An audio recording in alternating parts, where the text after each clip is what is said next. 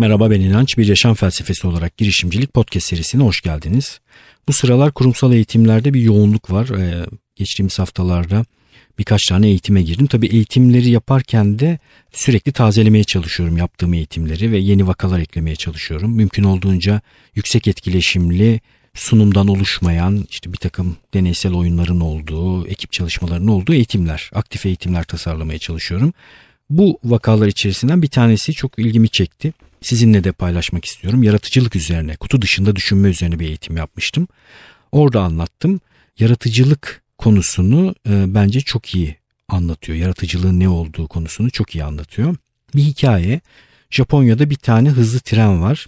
Telaffuzum bozuk olabilir. Shinkansen. Trenin adı Shinkansen. Ee, bir tane de baş mühendis var. Eiji Nakatsu. Bu mühendise ve ekibine şöyle bir problem getiriyorlar. Mühendislik problemi. Bu trenin daha sessiz hareket etmesini istiyoruz diyorlar. Yaklaşık saatte 300 kilometre hızla hareket eden bir tren bu. E, şu anki teknoloji çok daha hızlı hareket ettirebilecek durumda bu treni. Ama problem şu çalıştığı hattın yarısı neredeyse tünellerden oluşuyor bu trenin ve tren tünele girerken etrafındaki sıkışan hava ve atmosferik basınç değişimi nedeniyle bir takım dalgalar oluşuyor, ses dalgaları ve düşük frekanslı bu ses dalgaları bir patlama, sonik patlama oluşturuyor ve etraftaki insanlar, evlerinde oturmakta olan insanlar şikayet etmeye başlıyorlar. Yani problemleri bu trenin daha sessiz hale gelmesi. Bu konuda çalışmak üzere yola çıktığımızı düşünelim. Bir sürü şeye müdahale edebiliriz. Yani raylara müdahale edebiliriz. Yani rayların daha ses, az ses çıkarmasına, tünelin yapısına müdahale edebiliriz, trene müdahale edebiliriz. Müdahale edebileceğimiz bir sürü şey olduğu için yaratıcı problem çözmenin en büyük problemi de budur kendisi bir problem olarak.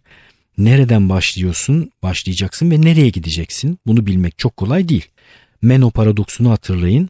Bir insan ne aradığını biliyorsa aramasına, araştırmasına gerek yok. Ne araştırdığını bilmiyorsa da karşılaştığında onun aradığı şey olduğunu nereden bilecek demişti Meno Sokrates'e Meno diyaloğunda. Biz de onun üzerine konuşmuştuk. Yani aslında bizler bir problem çözerken ya da bir şeyi araştırırken sıfır noktasında olmayız. Bize bir takım işaretler gelir ve bu işaretleri takip ederek ya da tutarsızlıkları takip ederek elimizde bir takım sorularla yola çıkarız. Bilimsel devrimlerin yapısında Thomas Kuhn bunu çok güzel söyler. Bir şeyin bilim olması için der, felsefecidir. O şeyin yanlışlanabilir olması gerekir bilimsel olan aslında mutlak manada doğru anlamına gelmiyor. Bilimselin özelliği şu, insan olarak çok naif bir çıkışımız var bilim, bilim yaparken. Biz bir şeyleri biraz anlamaya çalışıyoruz. Şu anda bir takım hipotezlerimiz ve teorilerimiz var. Bunun mutlak olduğunu iddia etmiyoruz. Zaten de çıkış noktamız bunların yanlışlanabilir olması. Şimdi psikolojiyi düşünün. Psikoloji bir bilim midir değil midir tartışmaları vardır. İşte Freud'un ego, süperego ve id kurgusu. Böyle bir şey hakikaten var mı? Yanlışlayamazsınız ki test edemezsiniz. İnsanın içine girip bu üç yapıyı bulmak gibi bir şey söz konusu değil. Gözlemlenebilir bir şey değil. Yanlışlanabilir bir şey değil. Onun için Thomas Kuhn açısından Freud'un psikolojisini bilim olarak ele almak çok mümkün değil. Bu kısım önemli. Biz mutlak bilgiye doğru gitmiyoruz bilimsel çalışmalar sırasında. Hep bir noktadayız ve o noktada elimizde bir takım sorular var. Sorular gittiği anda bittik. Yani hiç sorunun kalmadığı bir noktada kalırsak ilerlemek mümkün değil. Soru çok değerli onun için. Mühendislik sorusu neydi gelen? Bu treni daha sessiz yapalım. Şikayetler geliyor. Tamam harika. Yaratıcı bir problem olmasaydı bu ne yapardık biz? Doğrudan bir takım analitik süreçler işleterek bu problemi gidermeye çalışırdık.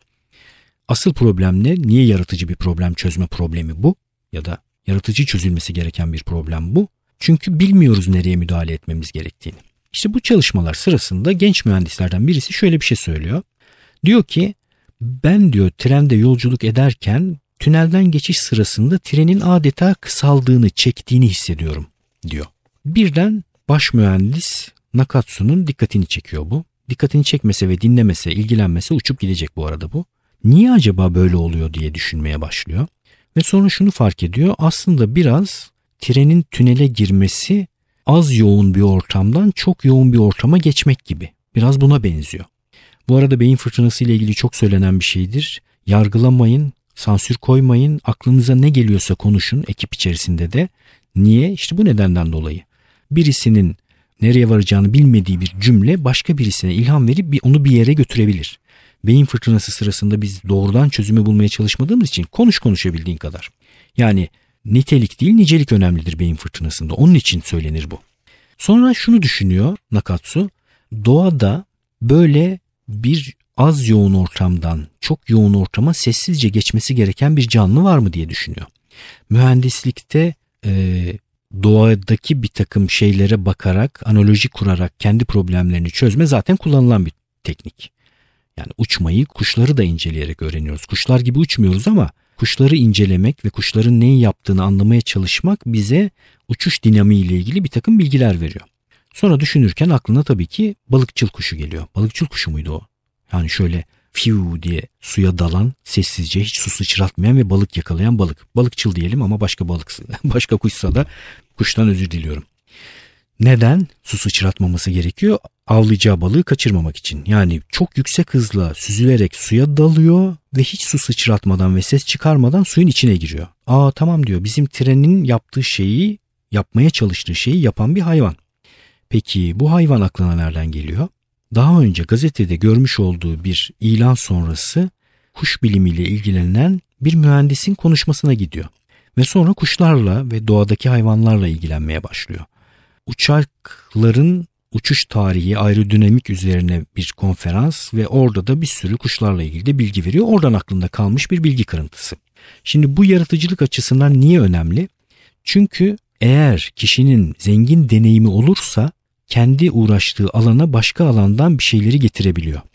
Ben hep vurgulayıp duruyorum 25-30 yaşına kadar mümkün olduğunca zengin deneyim elde et. Yani tek bir alanla uğraşma. Mühendisin en kötüsü sadece mühendislik okuyan ve öğrenen öğreneni. Bence her alan için geçerli bu. Doktorun en kötüsü bence sadece doktorlukla uğraşan.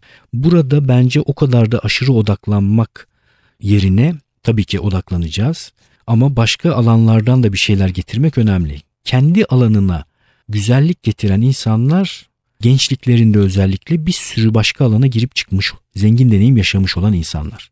İşte Nakatsu'da bu kuşlarla ve kuşların uçuş doğasıyla ilgilenmiş olduğu için e, bu zengin deneyime sahip. Problem çözerken de onu ona o yaratıcı sıçramayı sağlatan şey de bu zengin deneyim. Sonra bir takım testler yapmaya başlıyorlar. Bu kuşun gagasının e, simülasyonlarını yapıyorlar. Trenin burnunu bu gagaya benzeterek bir takım simülasyonlar yapıyorlar. Tünelde, e, rüzgar tünelinde bir takım çalışmalar yapıyorlar. Ve sonra birebir bu kuşun gagası gibi olmasa da oradan yola çıkarak çok daha sessiz hareket eden ve yakıt tasarrufu açısından da %10 yakıt tasarrufu sağlayan bir e, tren tasarlıyorlar. Yaratıcılık işte böyle bir şey. Pat diye durduğumuz yerde bir şeyi bulmayı beklemememiz gerekiyor. Yaratıcılık bir tür süreç. Yani yaratıcılık şuna benzemiyor. Önümde bir tane bavul var, içinde bir sürü karmaşık şey var. Ben de orayı karıştırarak oradaki şeylerden birini bulmaya çalışıyorum gibi bir faaliyet değil. Bavulda değil her şey. Biraz daha böyle hiç ilişkilenmemiş şeyleri birbiriyle ilişkilendirme yoluyla ancak ulaşabileceğim bir şey. Ve benim çok sevdiğim bir yaratıcılık tarifi vardır. Ee, The Craft of Creativity kitabında geçer. Daha önce düşünülemez ve kavranılamaz olanın düşünülebilir ve kavranılabilir hale gelmesi der tarif olarak. Benim bunu çok sevme tabii ki şu. Metafizik okuma dönemimi anlatmıştım size. Metin değişmediği halde ben onu anlayabilir hale geldiğimde kendimin değiştiğini, dönüştüğünü hissetmiştim. Yani o tarz şeyler benim tabii ki daha çok ilgimi çekiyor. Yani daha önce gözümün önünde olup bir türlü göremediğim ama perspektif değiştirerek, bakış açısı değiştirerek anlayabilir ve görebilir hale geldiğim şeyler benim çok ilgimi çekiyor.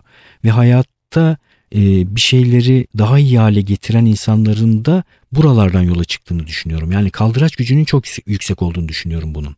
Gözünüzün önünde olan daha önce göremediğiniz bir şeyi görebilir hale gelmek. Peki insan niye gözünün önünde olan bir şeyi göremez? Bu da ilginç bir soru hep orada olan bir şeyi göremezsin. Çünkü o şeyi görebilir hale gelmek için oynamak gerekiyor. Neyle oynamak gerekiyor? Unsurlarla, malzemelerle, durduğum yerle, düşünce biçimimle, her şeyle oynamam gerekiyor. Tek bir noktadan bakıp, tek bir hikaye yazarak her şeyi görmek ve hakim olmak mümkün değil. soru sormak ne sağlıyor bana? Perspektif değiştirme imkanı sağlıyor. Ne kadar zengin soru sorabiliyorsam, ne kadar farklı sorular sorabiliyorsam o alanda o kadar çok perspektif değiştirmiş oluyorum. Her yeni perspektif de bana daha önce görmediğim yeni şeyleri görme imkanı sağlıyor. Ve böylece yaratıcı bir yolculuğa doğru çıkmış oluyorum. Yani ben yaratıcı bir insan değilim diye bir cümle bana çok yabancı geliyor. Herkes yaratıcı bir insan olabilir.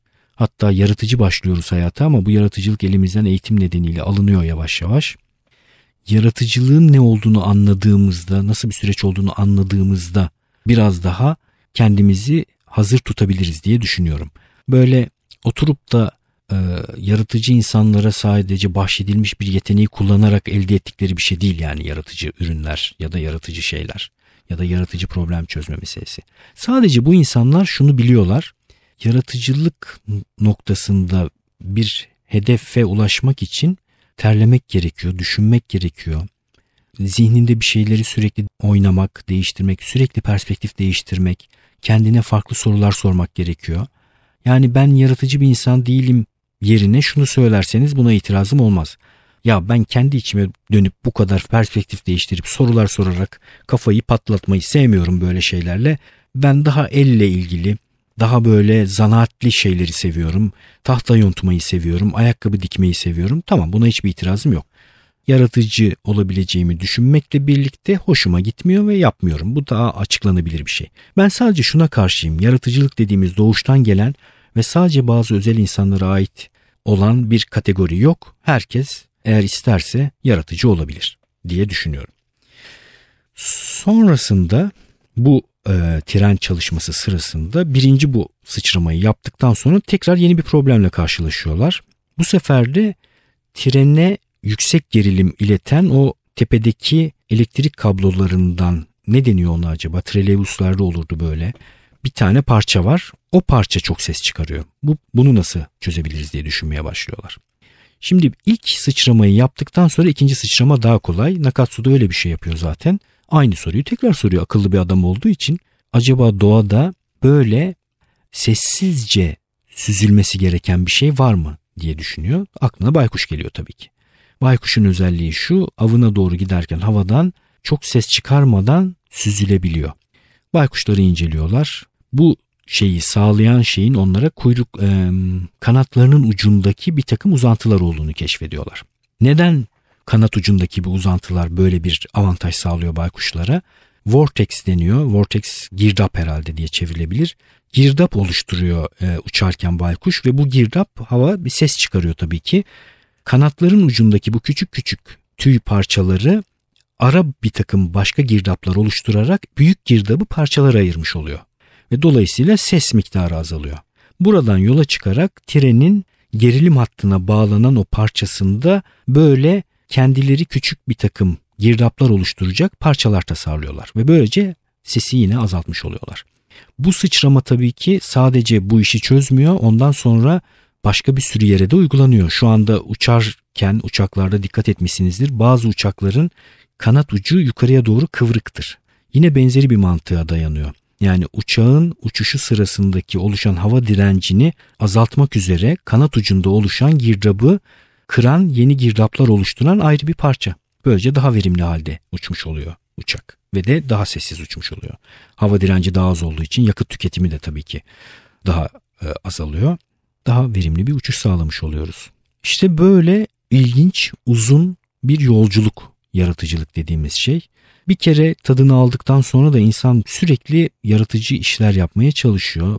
Bir meseleyi nasıl daha yaratıcı çözerim diye düşünmeye çalışıyor. Herkesin ben yaratıcılık yolculuğuna bir şekilde çıkabileceğini e, düşünüyorum açıkçası.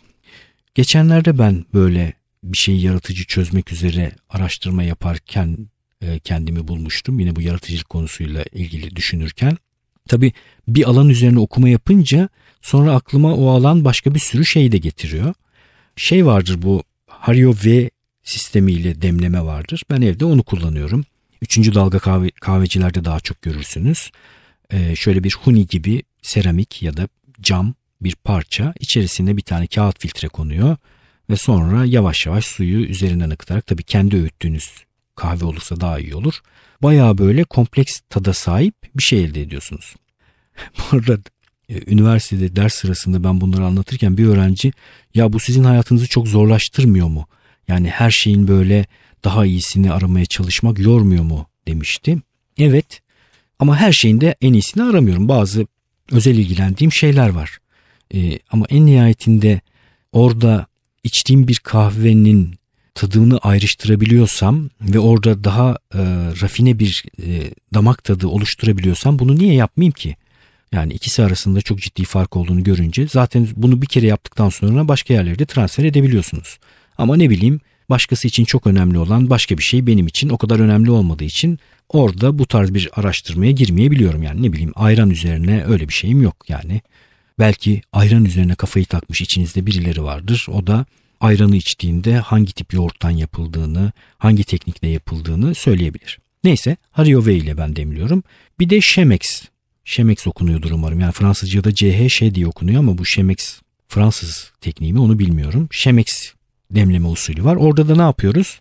Bir tane böyle cam e, boğazı daralan sürahi gibi bir şey var. Üçüncü dalga kahvecilerde yine rastlamış olabilirsiniz. Hatta içmiş olabilirsiniz.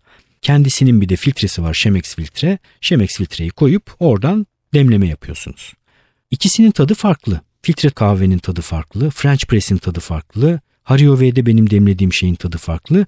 Chemex'te çıkan kahve de böyle biraz daha yumuşak içimli oluyor. Neden? Çünkü Chemex'in kağıt filtresi daha e, sıkı bir filtreleme işlemi yapıyor ve kahvedeki bir takım acı tatları da tutmuş oluyor. Bunları daha iyi ya da daha kötü diye düşünmemek lazım. Bu elitist daha iyi daha kötü yaklaşımı da çok hoşuma gitmiyor benim bu arada. Onun için fazla sayıda hiç sevmem bu nedenden dolayı. Çok da umurumdadır ya bu arada. Gerçekten bu arada yaklaşımını ve insanlarla kurduğu iletişim biçimini ve müziği anlamlandırma biçimini de sevmiyorum. Nedeni şu. Müzik Fazıl Say'ın gördüğü gibi sadece teknik ve ilerlemeye ve iyileşmeye yönelik bir şey değil bence. Yani o tür müzik niye öyle görülüyor? Çünkü doğanın mekanikleştirilmesi denilen bir yaklaşım var. Newton'la başlıyor, Leibniz'le devam ediyor. İnsanın doğayı matematikselleştirerek anlamasına dönük bir felsefi sıçrama var ve o dönemde oluşan klasik müzik de Bach mesela matematik gibidir müziği. Bir mimari gibidir. Benzer bir felsefi sıçramayı müzikte görmüş oluyoruz. Yani doğanın matematikselleştirilmesi, mükemmel hale getirilmesi, daha ölçülü hale getirilmesinin uzantısı bir müzik anlayışı. İyi ya da kötü ya da doğru değil. Yani şöyle düşünelim ben Beyoğlu'nda yetişmiş bir insan olarak çocukluk dönemimde Ferdi Tayfur, Orhan Gencebay seslerine aşina kalmışım, duymuşum. Ayrıca da Orhan Gencebay Türkiye'de böyle bir dağ falan gibi ya da büyük bir tepe gibi ya da bir şelale gibi bir şey yani bu iyi ya da kötü olabilecek bir şey değil var bir gerçek ve bir sürü insanın hayatına nüfuz etmiş bir şey. Onun için Bach dinleyen biri Orhan Gencebay dinleyen birinden daha yüksek zevklere sahip anlayışını ben doğru bulmuyorum. Şuna katılabilirim. Orhan Gencebay dinleyen biri Bach'tan da keyif almaya çalışırsa onun için tabii müzik e, zevki açısından daha iyi hale gelebilir. Bu ayrımın önemli olduğunu düşünüyorum. Özellikle sanat alanında bir şeyin bir şeyden daha iyi, daha yüksek, daha ilerici olduğunu iddia etmek çok doğru değil diye düşünüyorum. O yüzden sevmem. Fazla sayıdan niye bahsediyoruz ki biz şimdi? Fazla sayıya nereden geldiğimizi hiç mi hiç hatırlamıyorum. Ha şuradan gelmiştik. Yani böyle özellikle yüksek zevkler tarif etmeye çalıştığımı lütfen düşünmeyin. Kendi ilgilendiğim alanlarda mümkün olduğunca özel ilgim içerisindeyse o şeyi daha iyi yapmaya çalışıyorum. Şimdi Chemex kendi içerisinde farklı bir lezzet. Ha şuradan gelmişim tamam şimdi hatırladım. Yani Chemex başka filtre kahve başka yani French press filtre kahveden daha iyi demenin çok anlamı yok. Bazen şey derler yani filtre kahve içeceğine espresso çek oradan americano yap daha iyi bir kahveye ulaşırsın. Ya tamam daha iyi den neyi kastedildiğini anlıyorum e, espresso çektiğin zaman çok daha yüksek profilli, daha e, kompleks bir tad alıyorsun. Bunu Amerikano'ya dönüştürdüğünde filtre kahveye göre daha zengin bir lezzet elde ediyor olabilirsin ama ya şimdi filtre kahve de yapıldığı zaman odaya güzel bir koku yayıyor. Bazen de böyle çok yoğun ve kompleks bir tat izlemiyorum da işte filtre kahve gibi çaya biraz daha yakın, güzel kahve gibi kokan bir şey içmek istiyorum. Yani niye bu birbirinden daha iyi ya da daha kötü olsun ki? Her birinin yeri olabilir. Bazen de canım işte French press tekniğiyle kahve yapmak istiyor. Şimdi Chemex iyi güzel de o sürahi dediğiniz Chemex sürahi bayağı ciddi pahalı bir şey. Hario V biraz daha az yatırımla halledilebilecek bir şey. Hario V kullanıyorum. Shemex'te arada ya acaba alsam mı almasam mı diye düşünürken bu yaratıcılık okumaları sırasında bir an aklıma şu geldi. Chemex en nihayetinde bu lezzeti filtresinden alıyor. O kağıt filtrenin özelliğinden alıyor.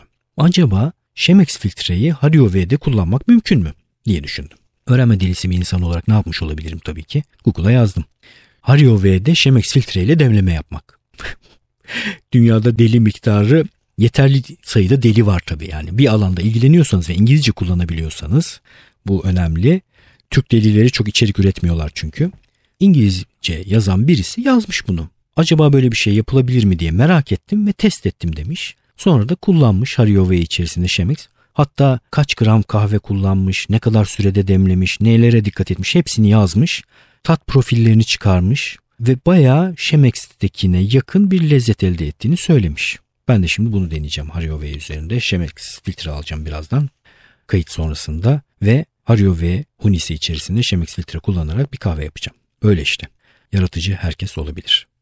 İnançayar.com üzerinden blog yazılarına, podcast'te adı geçen insanlara, kişilere ulaşabilirsiniz. Bana soru sormak istediğinizde e-posta gönderebilirsiniz. Daha önce bana soru sorup cevap almadıysanız kalbiniz kırılmasın. Lütfen birkaç defa daha sorun. Bir nedenden dolayı atlanmış olabilir, spam'e düşmüş olabilir, görmemiş olabilir. Bir sürü nedeni olabilir. Elimden geldiğince ben cevap vermeye, geri dönmeye çalışıyorum. Instagram'dan, YouTube'dan beni takip edin. Instagram'dan takip edince de ben podcast'ten geliyorum. Merhaba deyin. Ben de sizi takip edeyim. Görüşmek üzere.